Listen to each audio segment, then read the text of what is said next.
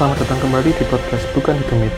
Ini bukan podcast horor, tapi ini adalah sebuah podcast yang membahas berbagai macam hal tentang Real Madrid bersama saya Rijal Fahmi.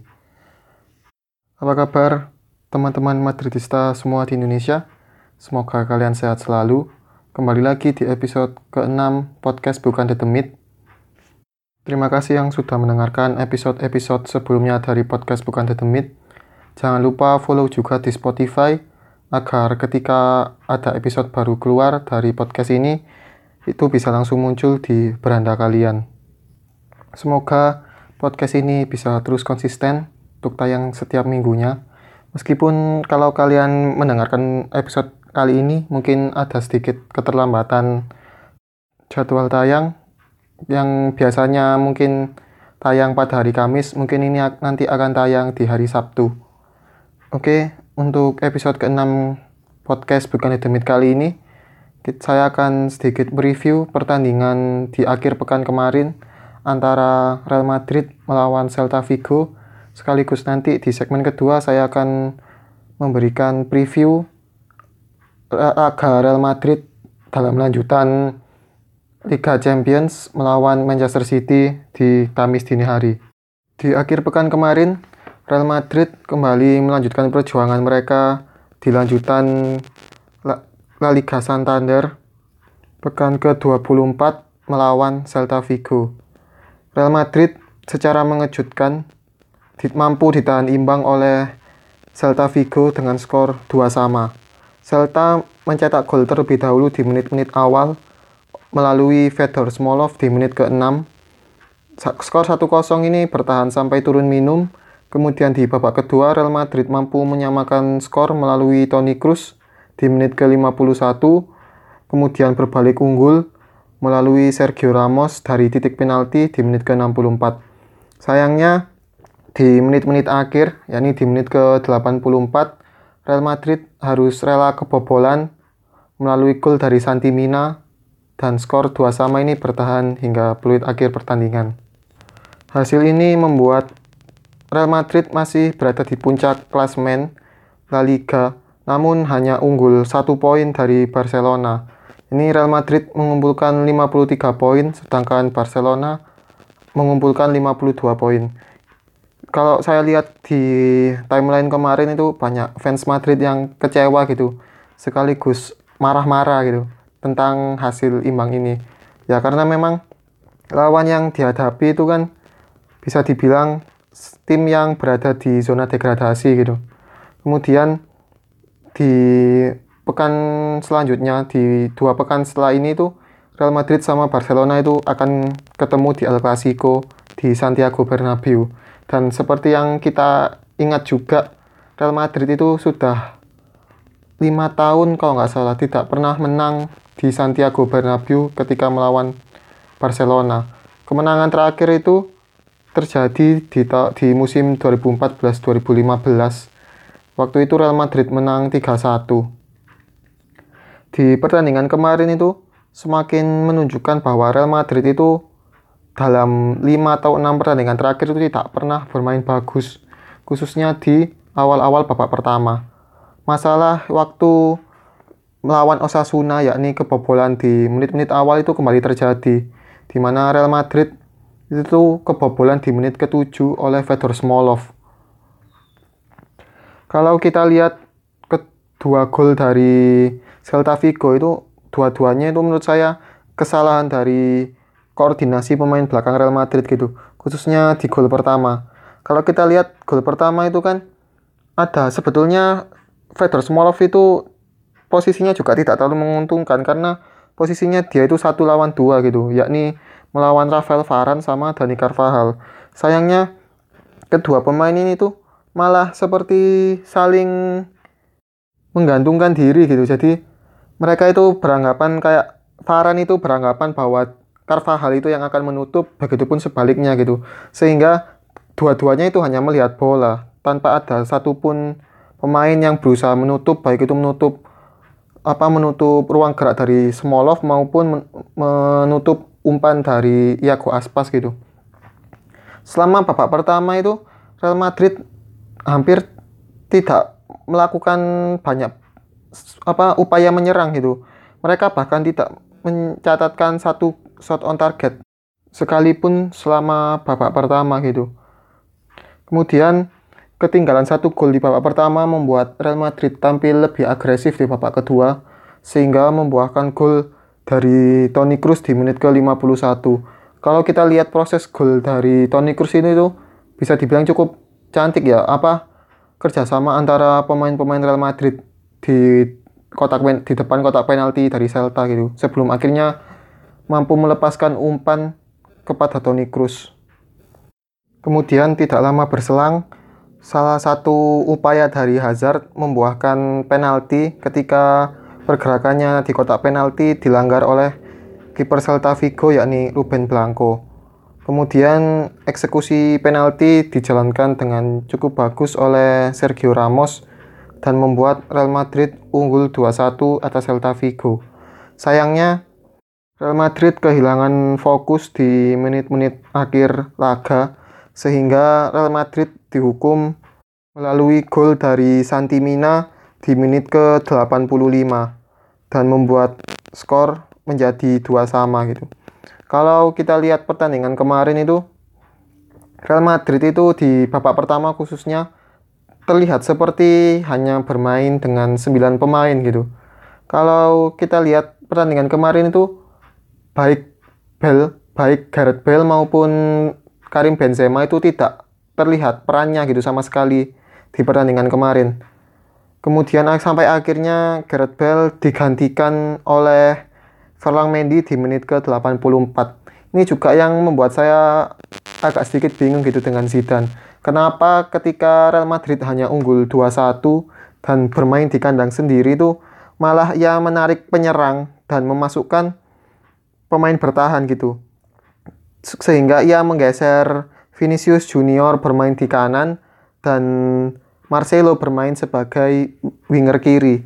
Ini juga pernah saya bahas di episode kemarin tentang membandingkan Vinicius dan Rodrigo itu saya pernah bilang bahwa Vinicius ini tuh nggak nggak bisa bermain secara optimal ketika ia dimainkan di posisi kanan gitu. Begitupun kemarin gitu di menit-menit akhir itu dia kalau nggak salah dua kali gitu kehilangan bola dalam apa saat menyerang gitu. Karena memang ia itu bukan tipe pemain yang bisa bergerak dengan leluasa di sisi kanan karena ia kan tipe pemain yang lebih banyak melakukan cut inside pergerakan dari kiri kemudian cut inside ke tengah untuk melakukan umpan ataupun menendang ke arah gawang gitu. Selain Gareth Bale, Karim Benzema kemarin juga tidak terlihat perannya gitu. Ia baru mencatatkan shot on target pertamanya itu di akhir babak kedua. Dan saya rekaman ini kan setelah ada keluar itu ya apa namanya uh, daftar pemain yang dibawa Real Madrid untuk laga di pekan selanjutnya melawan Levante. Itu saya lihat Luka Jovic tidak ada di skuad karena kabarnya ia menderita cedera dan Mariano Diaz juga masih sampai sekarang belum diberikan kesempatan oleh Zinedine Zidane. Saya nggak tahu ya. Uh, kan ada masalah pribadi apa antara Zidane dengan Mariano kok sampai-sampai hanya satu tempat bahkan di bangku cadangan saja itu seperti mustahil dimil di, dimiliki oleh Mariano padahal kalau kita lihat kan Benzema ini tuh permainannya itu sangat naik turun gitu iya dia bisa mencetak banyak gol gitu tapi secara permainan menurut saya dia sangat menurun gitu ia terlalu banyak membuka ruang, ia lupa bahwa perannya itu sebagai pemain nomor 9. Dan ketika ia membuka ruang pun tidak ada support yang memadai dari sisi wing baik itu oleh Gareth Bale maupun oleh Eden Hazard kemarin. Ngomong soal Hazard, itu kemarin adalah laga pertamanya setelah ia cedera hampir 2 atau 3 bulan dan penampilannya cukup bagus. Ia menjadi aktor di balik gol penalti dari Sergio Ramos. Namun ia masih belum ada di puncak performanya seperti saat ia membela Chelsea. Banyak yang bilang juga di pertandingan kemarin itu kalau Celta Vigo itu bermain sangat bertahan gitu. Ya bisa dimaklumi juga dengan kualitas yang mereka miliki dengan apa pemain-pemain yang mereka miliki menghadapi Real Madrid bermain all out menyerang itu juga bisa dibilang sangat bunuh diri gitu. Mengingat Real Madrid kan punya wing yang sangat cepat gitu untuk melakukan serangan balik. Sehingga ya bisa dimaklumi lah tim sekelas Celta Vigo bermain se bertahan seperti itu melawan tim sekelas Real Madrid. Pertandingan ini bisa menjadi apa ya bahan evaluasi khususnya bagi Zinedine Zidane bahwa Real Madrid itu hampir tidak pernah main bagus di beberapa pertandingan terakhir. Sayangnya kan di pertandingan-pertandingan tersebut itu kan tertutup dengan kemenangan gitu sehingga apa namanya mereka meskipun terus-menerus bermain kurang bagus tapi terus menang gitu sehingga mereka seperti terlena gitu bahwa masih banyak kekurangan yang ada di skuad Real Madrid saat ini. Hasil ini juga membuat Real Madrid saat ini hanya berjarak satu poin dari Barcelona dan secara tidak langsung kalau semisal Barcelona itu main lebih dahulu dari Real Madrid dan meraih kemenangan, mereka itu bisa naik ke posisi satu dan unggul dua poin dari Real Madrid. Tentu ini akan memberikan apa ya tekanan khususnya ke Real Madrid gitu untuk mempertahankan peringkat pertama. Di pertandingan selanjutnya, Real Madrid akan menghadapi Levante dalam lanjutan La Liga pekan ke-25 sebelum mereka bermain di Liga Champions melawan Manchester City dan kemudian dilanjutkan langsung laga El Clasico melawan Barcelona. Ini tentu menjadi apa ya? Menjadi pertandingan kunci untuk merebutkan peringkat pertama. Laga melawan Levante dini hari nanti itu bisa menjadi titik balik performa Real Madrid yang bisa dibilang sangat mengecewakan di pertandingan-pertandingan sebelumnya gitu. Sebelum nanti melawan Manchester City dan juga Barcelona. Karena kalau Real Madrid tetap bermain seperti ini khususnya saat menghadapi Celta Vigo, jujur sih saya pribadi ya nggak terlalu banyak berharap gitu saat melawan Manchester City maupun Barcelona. Kalau permainan mereka seperti saat melawan Celta Vigo kemarin. Tapi ya semoga di laga melawan Levante itu Real Madrid mampu memperbaiki performa mampu mengevaluasi kekurangan-kekurangan mereka sehingga bisa menjadi ajang pemanasan lah sebelum melawan City dan juga Barcelona. Mungkin itu saja review pertandingan melawan Celta Vigo. Selanjutnya di segmen kedua saya akan memberikan preview laga lanjutan 16 besar Liga Champions melawan Manchester City. Baiklah, selengkapnya nanti di segmen kedua.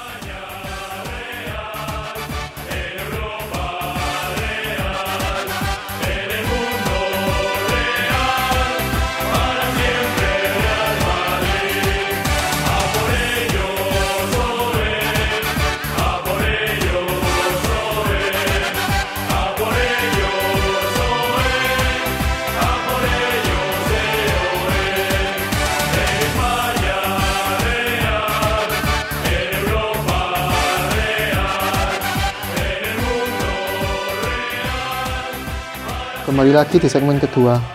Kali ini di segmen kedua saya akan memberikan preview laga lanjutan Real Madrid di leg pertama babak 16 besar Liga Champions melawan Manchester City pada Kamis dini hari nanti di Santiago Bernabeu. Tapi sebelumnya saya cuma ingin bilang satu hal sih ke fans-fans Real Madrid di luar sana, yakni realistis. Udah itu aja sih. Kenapa saya bilang begitu? Karena bisa dibilang Manchester City meskipun penampilannya tidak sebaik di musim kemarin tapi mereka masih menjadi apa namanya ancaman yang cukup berat gitu. Sekaligus menjadi kandidat juara Liga Champions musim ini. Ditambah permainan Real Madrid yang sejak musim kemarin itu masih naik turun. Sehingga secara pribadi saya itu realistis gitu. Tapi tetap kalau bicara harapan gitu ya masih ada gitu harapan bahwa Real Madrid bisa lolos ke babak selanjutnya. Tapi kalau melihat lawannya kemudian lihat tren Real Madrid di 5-6 pertandingan terakhir itu kalau mereka tetap bermain seperti khususnya saat ditahan imbang lawan Celta Vigo saya rasa melawan Manchester City ya bisa habis gitu Real Madrid di leg pertama itu Real Madrid akan terlebih dahulu menjamu Manchester City yakni di Santiago Bernabeu meskipun bermain di kandang sendiri, menurut saya ini tuh bukan sebuah keuntungan gitu bagi Real Madrid. Karena Real Madrid catatan bermain kandangnya itu di musim ini juga sangat buruk. Mereka memang belum belum pernah meraih kekalahan gitu di kandang sendiri, tapi sudah berulang kali itu hanya meraih hasil imbang. Di Liga Champions musim ini saja, saat bermain di Santiago Bernabeu, Real Madrid itu cuma menang satu kali dan itu pun melawan Galatasaray yang notabene adalah tim juru kunci di grup kemarin. Mereka ditahan imbang dua sama melawan PSG di mana mereka sebetulnya sudah sempat unggul dua gol terlebih dahulu. Kemudian mereka juga menang secara susah payah melawan klub Brugge yakni tim asal Belgia itu. Sehingga main di Santiago Bernabeu itu menurut saya bukan sebuah keuntungan juga bagi Real Madrid. Satu hal yang bisa dimanfaatkan Real Madrid dari Manchester City itu adalah mental sih.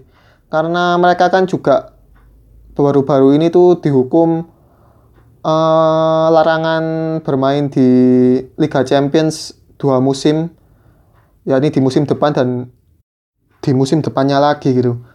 Lah, tapi apa namanya larangan ini tuh juga bisa berbalik menjadi semangat juga bagi Manchester City karena bisa dibilang ini kan akan menjadi Liga Champions terakhir mereka gitu dalam kurun waktu tiga tahun terakhir ya meskipun kenyataannya tim manajemen City juga masih melakukan banding atas apa keputusan dari UEFA tersebut namun kita anggap kita anggap aja bahwa City itu benar-benar dihukum selama dua tahun gitu Tentu ini akan menjadi Liga Champions terakhir mereka dalam tiga tahun terakhir nanti. Dan ini juga akan menjadi apa ya kayak semacam semangat bagi mereka untuk memenangkan Liga Champions sebelum mereka dihukum gitu untuk tidak bermain di Liga Champions lagi. Selain itu, City juga punya masalah di sektor penyerangan. Mereka terlalu bergantung dengan Sergio Aguero dan Kevin De Bruyne di musim ini dibandingkan musim lalu. Kalau kita lihat di Liga Inggris juga masalah mereka memang di sektor penyerangan gitu. Mereka cukup sering meraih hasil imbang karena penyerangan mereka itu tidak sebagus di musim kemarin. Masalahnya juga hampir sama sebetulnya dengan Real Madrid, yakni sama-sama punya masalah di sektor penyerangan. Selain itu, di sektor pertahanan juga mereka beberapa kali dihantam badai cedera juga saya kurang mengikuti sih apa Manchester City akhir-akhir ini. Tapi seingat saya mereka kan cukup sering gitu di terpa badai cedera di posisi pemain bertahan. Sehingga beberapa kali juga mereka memaksakan seorang Fernandinho untuk bermain di posisi back tengah. Namun kalau kita lihat dari sektor tengah khususnya City itu bisa dibilang sebuah apa ya tim dream team gitu.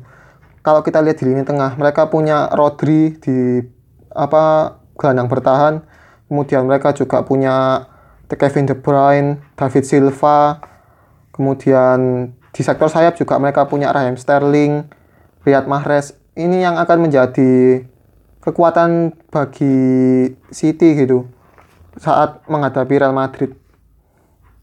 Sedangkan bagi Real Madrid sendiri, masalah utama mereka itu tetap sama yakni striker. Zidane itu terlalu percaya dengan Benzema sehingga ia hanya memberikan menit bermain di babak kedua kepada Luka Jovic dan bahkan tidak memberikan satu tempat pun bagi seorang Mariano Diaz bahkan hanya untuk sebagai pemain cadangan. Saya pernah nulis tentang ini kalau mungkin kalau teman-teman mau nyari saya nulis ini di fandom.id tentang Zidane itu seperti melakukan sebuah nepotisme gitu di skuad Real Madrid. Zidane itu seperti ingin membangun sebuah apa namanya? Sebuah tim dengan kerangka pemain-pemain asal Prancis. Kalau kita lihat kan di posisi penjaga gawang, Zidane tuh lebih memilih mendatangkan Alfonso Areola dan melepas seorang Keylor Navas. Kemudian ada juga di posisi back tengah apa Rafael Varane itu hampir jarang mendapatkan rotasi gitu oleh Zidane. Padahal di cadangan ada nama Eder Militao yang bisa dibilang salah satu back potensial gitu di masa depan. Kemudian juga di posisi back kiri, Zidane tuh lebih memilih melepas Theo Hernandez ke AC Milan secara permanen dan Sergio Reguilon ke Sevilla gitu secara pinjaman dan lebih memilih mendatangkan seorang Ferlang Mendy. Ya memang di beberapa pertandingan terakhir Mendy itu menjadi pemain yang bisa dibilang menjadi pemain kunci gitu. Apalagi setelah Marcelo yang tampil inkonsisten di musim ini. Kemudian kalau kita lihat di lini tengah khususnya, ini yang paling apa ya terlihat gitu. Bagaimana seorang Zidane itu sangat ngotot untuk mendatangkan seorang Paul Pogba. Padahal di awal musim kemarin itu Florentino Perez itu memberi Zidane itu dua opsi, yakni mendatangkan Donny van de Beek dan juga Christian Eriksen. Tapi apa namanya? Zidane itu tetap memaksa untuk mendatangkan Pogba sehingga apa namanya uh, tidak ada satupun pemain tengah yang datang di Real Madrid di awal musim kemarin sehingga ya bisa kita lihat sekarang itu lini tengah Real Madrid itu sangat tipis kita kehilangan Marcos Llorente sebagai backup Casemiro dan juga kita juga kehilangan Dani Ceballos ya ya memang kita punya Federico Valverde gitu tapi di posisi gelandang bertahan ini kan yang sangat terlihat gitu bagaimana kita terlalu bergantung dengan seorang Casemiro. Begitupun juga di striker gitu. Kita mungkin sudah capek gitu ya. Para fans-fans Real Madrid itu teriak bahwa memberikan kesempatan untuk Luka Jovic, bahkan untuk Mariano Diaz juga.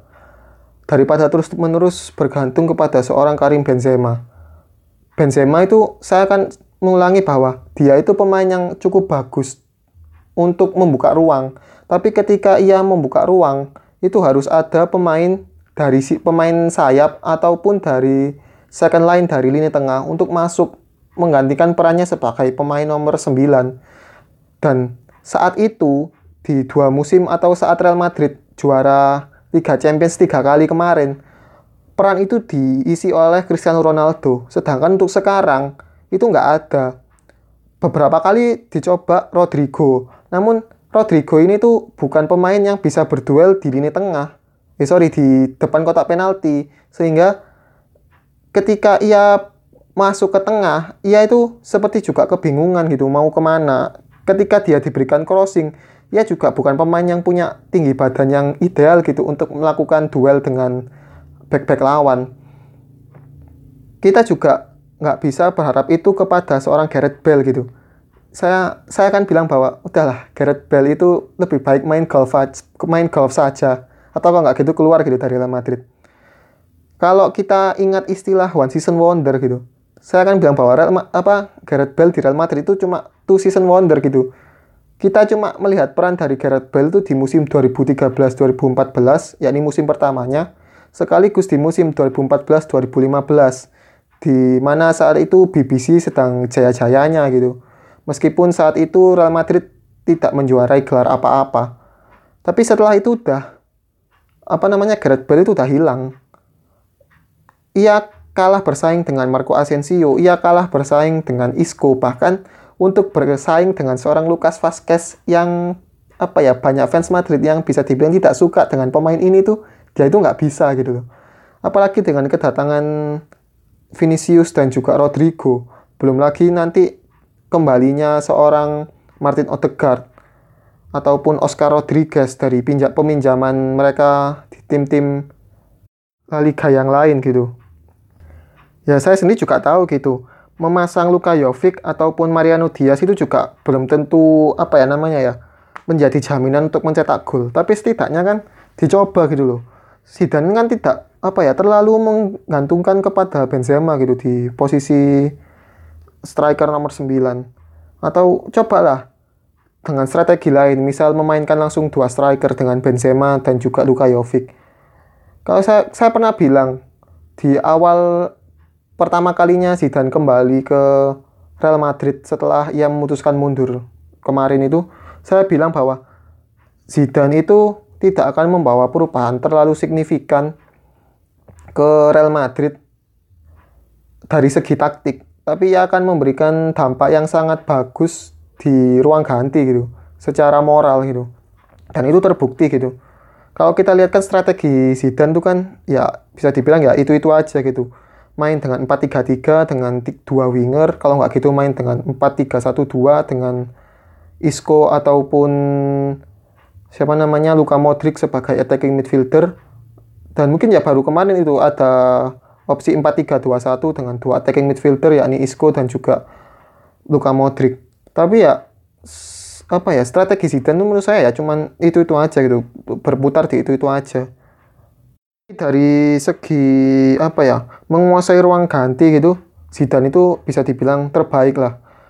Ya tidak bisa dipungkiri bahwa dia itu legenda Real Madrid. Dia salah satu pemain hebat di masa jayanya gitu. Sehingga pemain-pemain Real Madrid itu punya respect gitu ke mereka. Kalau kita ingat kan cukup banyak gitu pemain-pemain yang ya bisa dibilang bermasalah dengan Zidane. Tapi ya udah nggak nggak nggak berpengaruh terlalu panjang gitu. Kalau misal kita lihat Dani Ceballos ataupun Mateo Kovacic yang tidak suka dengan Zidane ya ya sudah mereka diberikan opsi untuk keluar. Atau seperti James dan juga Gareth Bale gitu. Kalau mereka mau berjuang di di, di tim utama ya mau nggak silakan berjuang. Tapi ya kalau kita lihat dari performa mereka sekarang sih ya dua pemain ini ya menurut saya harus keluar gitu di Real Madrid musim depan untuk memberikan tempat ke pemain-pemain muda yang sudah siap kembali dari masa peminjamannya. Kembali lagi ke laga melawan Manchester City. Laga melawan Manchester City ini bisa dibilang akan menjadi apa namanya semacam pertarungan yang cukup sengit di lini tengah gitu. Bagaimana trio Toni Kroos, Luka Modric atau Valverde dan Casemiro melawan pemain-pemain dari Manchester City seperti Rodri, Kevin De Bruyne, Fernandinho dan juga David Silva. Ini yang akan menjadi kunci gitu permainan kedua tim. Real Madrid bisa memanfaatkan ruang khususnya di dua back sayap dari City ya. Karena kalau kita lihat back sayap dari City itu juga apa masih Pep Guardiola itu masih sering melakukan rotasi gitu, masih belum menemukan apa namanya duet di back sayap yang cukup bagus gitu. Di back kanan gitu sering bergantian mulai dari Kyle Walker maupun Joao Cancelo, sedangkan di posisi back kiri juga apa bergantian antara Benjamin Mendy dan juga Alexander Zinchenko kalau nggak salah, pemain asal Ukraina. Kemudian di back tengah City juga masih bisa dibilang inkonsisten juga. Mereka juga kebobolan cukup banyak gol di musim ini dibandingkan musim kemarin. Itu yang bisa menjadi apa ya? kelemahan City yang bisa dieksploitasi oleh Real Madrid. Dan tentu yang wajib diwaspadai dari City itu adalah kecepatan dari sayap-sayap mereka sih. Mulai dari Raheem Sterling, Riyad Mahrez bahkan Leroy Sané yang sudah kembali dari cedera itu yang harus diwaspadai oleh Real Madrid secara pribadi sih saya berharapnya Ferlang Mendy ya yang bermain daripada Marcelo. Karena dari sisi bertahan Ferlang Mendy itu lebih bagus gitu. Meskipun saat membantu penyerangan ia tidak sebagus Marcelo. Tapi setidaknya untuk mengamankan uh, pertahanan Real Madrid dulu lah sehingga saya lebih memilih Ferlang Mendy yang bermain. Kemudian di lini depan sih nggak ada masalah sih. Saya lebih seneng kalau Real Madrid main dengan apa namanya dengan 4-3-3 tapi dua wingernya itu tidak pakai winger murni gitu. Jadi dua wingernya itu pakai Eden Hazard dan juga Isco gitu untuk lebih memberi kreativitas di lini tengah sekaligus memberikan tekanan juga kan untuk pemain-pemain tengah dari Manchester City agar tidak terlalu naik juga.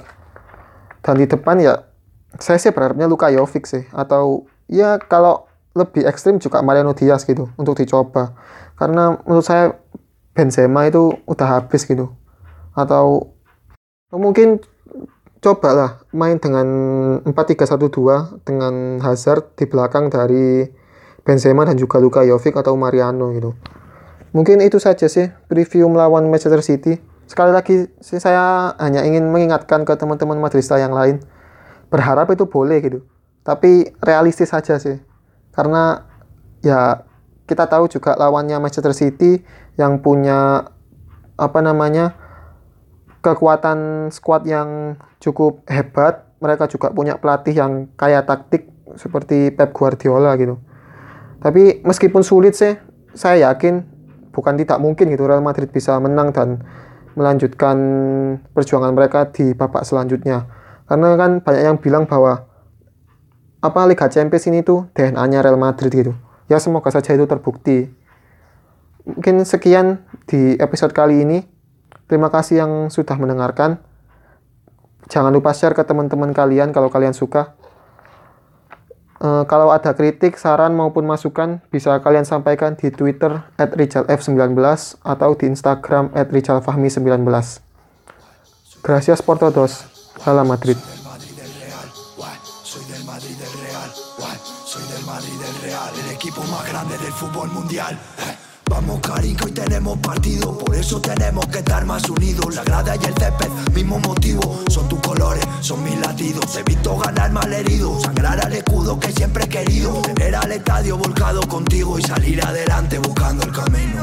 Van 13 y no para, parece. Miro la frontal y el francés aparece, callando al estadio como se merece. Gritando a la radio, la gente enloquece. Vienen de la capital, jamás en la vida verás otro igual. De aquí vas al cielo por la castellana, mirando al estadio más grande brillar. Soy del Madrid del Real, soy del Madrid del Real, soy del Madrid del Real, soy del Madrid Real. Suena la vez, ponemos el alma y la grada de pie. Suena la vez, ponemos el alma y la grada de pie. El grito unido es el que se oye entre peña que ni se conoce que genera la familia son los que me acompañan en cada vigilia. No hay mejor sonido que veros aquí conmigo haciendo ruido. Porque encima de un escenario siento tu calor como los focos de un estadio. suena la vez, ponemos el alma y la grada de pie. suena la vez, ponemos el alma y la grada de pie. Suena la